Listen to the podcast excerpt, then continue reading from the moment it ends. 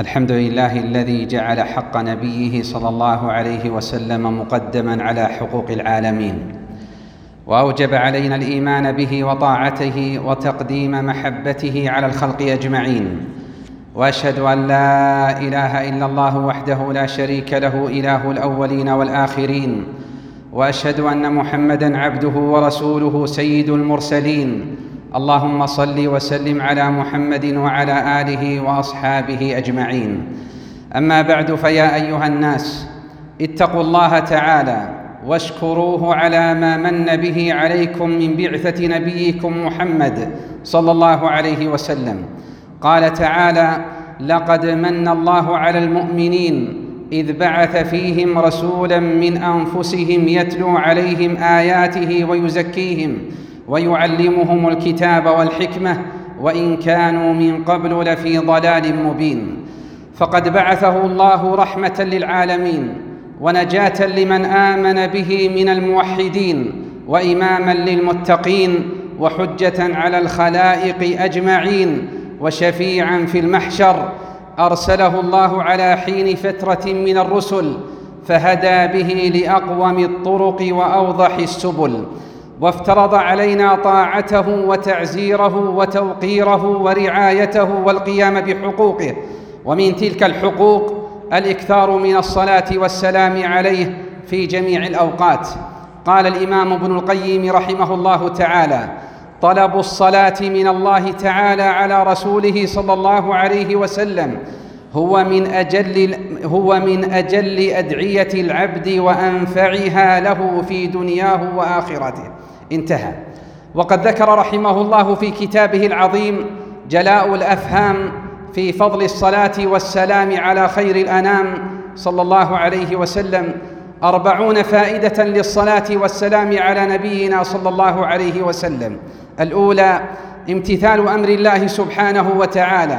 قال تعالى إن الله وملائكته يصلون على النبي يا أيها الذين آمنوا صلوا عليه وسلموا تسليما. صلى الله عليه وسلم. الثانية موافقة الله سبحانه في الصلاة على النبي صلى الله عليه وسلم. وإن اختلفت الصلاتان فصلاتنا عليه دعاء وسؤال وصلاة الله تعالى عليه ثناء وتشريف. الثالثة موافقة الملائكة فيها. الرابعة حصول عشر صلوات من الله على المصلي عليه مرة كما في رواية مسلم صلى الله عليه وسلم. الخامسة أنه يرفع له عشر درجات. السادسة أنه يكتب له عشر حسنات.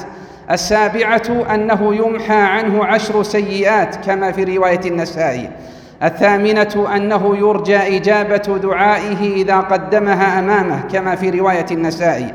التاسعة أنها سبب لشفاعته صلى الله عليه وسلم كما في رواية الترمذي. العاشرة أنها سبب لغفران الذنوب. الحادية عشرة أنها سبب لكفاية العبد ما أهمه. الثانية عشرة أنها سبب لقرب العبد منه صلى الله عليه وسلم يوم القيامة. الثالثة عشرة أنها الثالثة عشرة أنها تقوم مقام الصدقة لذي العسرة. الرابعة عشرة أنها سبب لقضاء الحوائج. الخامسة عشرة أنها سبب لصلاة الله على المصلي وصلاة ملائكته عليه. السادسة عشرة أنها زكاة للمصلي وطهارة له كما في رواية أحمد. السابعة عشرة أنها سبب لتبشير العبد بالجنة قبل موته. الثامنة عشرة أنها سبب للنجاة من أهوال يوم القيامة. التاسعة عشرة أنها سبب لرد النبي صلى الله عليه وسلم على المصلي والمسلم عليه كما في رواية أحمد.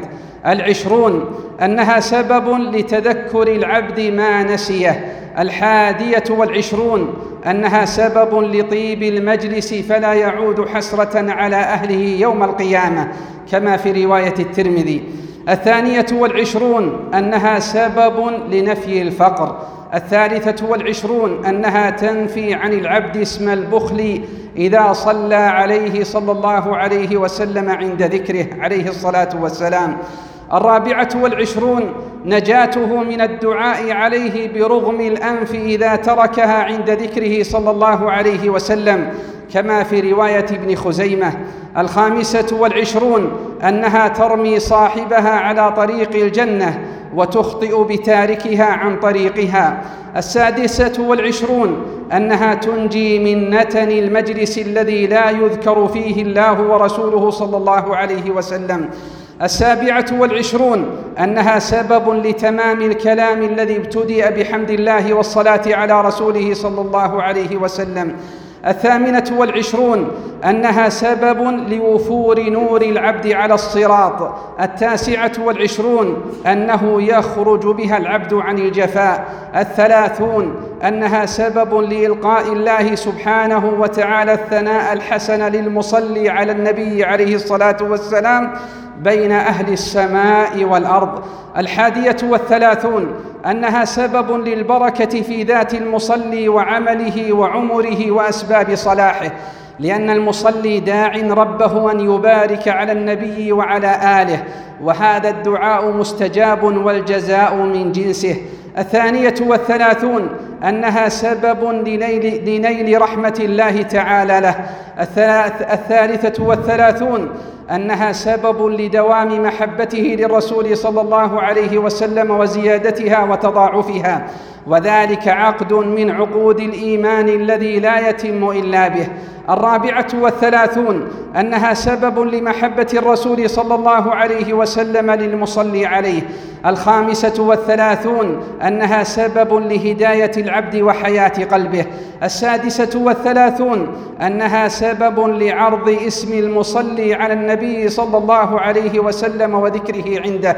السابعة والثلاثون أنها سبب لتثبيت القدم على الصراط والجواز عليه.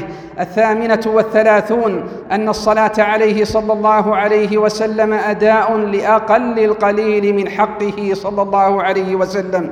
التاسعة والثلاثون أنها متضمنة لذكر الله تعالى وشكره ومعرفة إنعامه على عباده بإرساله صلى الله عليه وسلم. الأربعون أنها دعاء بحيث يسأل العبد ربه تبارك وتعالى أن يثني على خليله وحبيبه محمد صلى الله عليه وسلم ويزيد في تشريفه وتكريمه وإيثار ذكره ورفعه. رزقني الله وإياكم ووالدينا وأهلينا القيام بحقوقه صلى الله عليه وسلم. وتحقيق محبته عليه الصلاة والسلام في الظاهر والباطن. اللهم آمين. أقول قولي هذا وأستغفر الله لي ولكم ولسائر المسلمين والمسلمات الأحياء منهم والأموات من كل ذنب فتوبوا إليه واستغفروه. إن ربي غفور رحيم.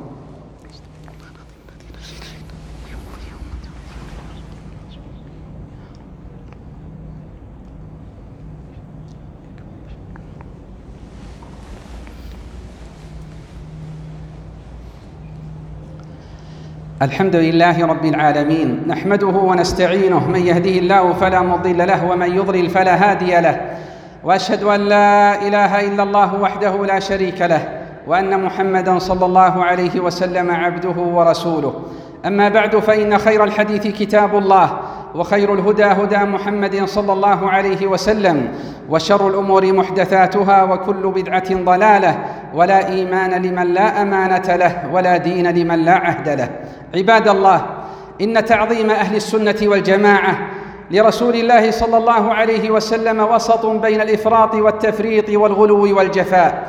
قال ابن عبد الهادي رحمه الله إن تعظيم النبي صلى الله عليه وسلم محله القلب واللسان والجوارح. فالتعظيم بالقلب ما يتبع اعتقاد كونه صلى الله عليه وسلم رسولا من تقديم محبته صلى الله عليه وسلم على النفس والولد والوالد والناس أجمعين. ويصدق هذه المحبة أمران. إحداهما تجريد التوحيد فإنه صلى الله عليه وسلم كان أحرص الخلق على تجريده حتى قطع أسباب الشرك ووسائله من جميع الجهات. فتعظيمه صلى الله عليه وسلم بموافقته على ذلك لا بمناقضته فيه. الثاني تجريد متابعته وتحكيمه وحده صلى الله عليه وسلم في الدقيق والجليل من أصول الدين وفروعه والرضا بحكمه والانقياد له والتسليم والإعراض عمن خالفه وعدم الالتفات إليه. وأما التعظيم باللسان فهو الثناء عليه صلى الله عليه وسلم بما هو أهله مما أثنى به على نفسه وأثنى به عليه ربه تبارك وتعالى من غير غلو ولا تقصير. وأما التعظيم بالجوارح فهو العمل بطاعته صلى الله عليه وسلم والسعي في إظهار دينه وإعلاء كلمته ونصر ما جاء به وجهاد ما خالفه. انتهى ملخصا عباد الله مع هذه المحبة العظيمة للسلف الصالح من أهل السنة والجماعة من القرون الثلاثة المفضلة فهل احتفلوا بيوم واحد من أيامه صلى الله عليه وسلم كمولده أو وفاته أو غزوة من غزواته صلى الله عليه وسلم؟ الجواب لا لأنهم لهديه صلى الله عليه وسلم متبعون وبسنته متقيدون لا يزيدون عما تركهم عليه ولا ينقصون. قال العرباض رضي الله عنه وعظنا رسول الله صلى الله عليه وسلم موعظة ذرفت منها العيون ووجلت منها القلوب فقلنا يا رسول الله إن هذه لموعظة مودع فماذا تعهد إلينا؟ قال صلى الله عليه وسلم قد تركتكم على البيضاء ليلها كنهارها لا يزيغ عنها بعدي إلا هالك من يعش منكم فسيرى اختلافا كثيرا فعليكم بما عرفتم من سنتي وسنة الخلفاء الراشدين المهديين. عضوا عليها بالنواجذ. رواه ابن ماجه وجوده أبو نعيم. وقال صلى الله عليه وسلم من أحدث في أمرنا هذا ما ليس منه فهو رد. متفق عليه.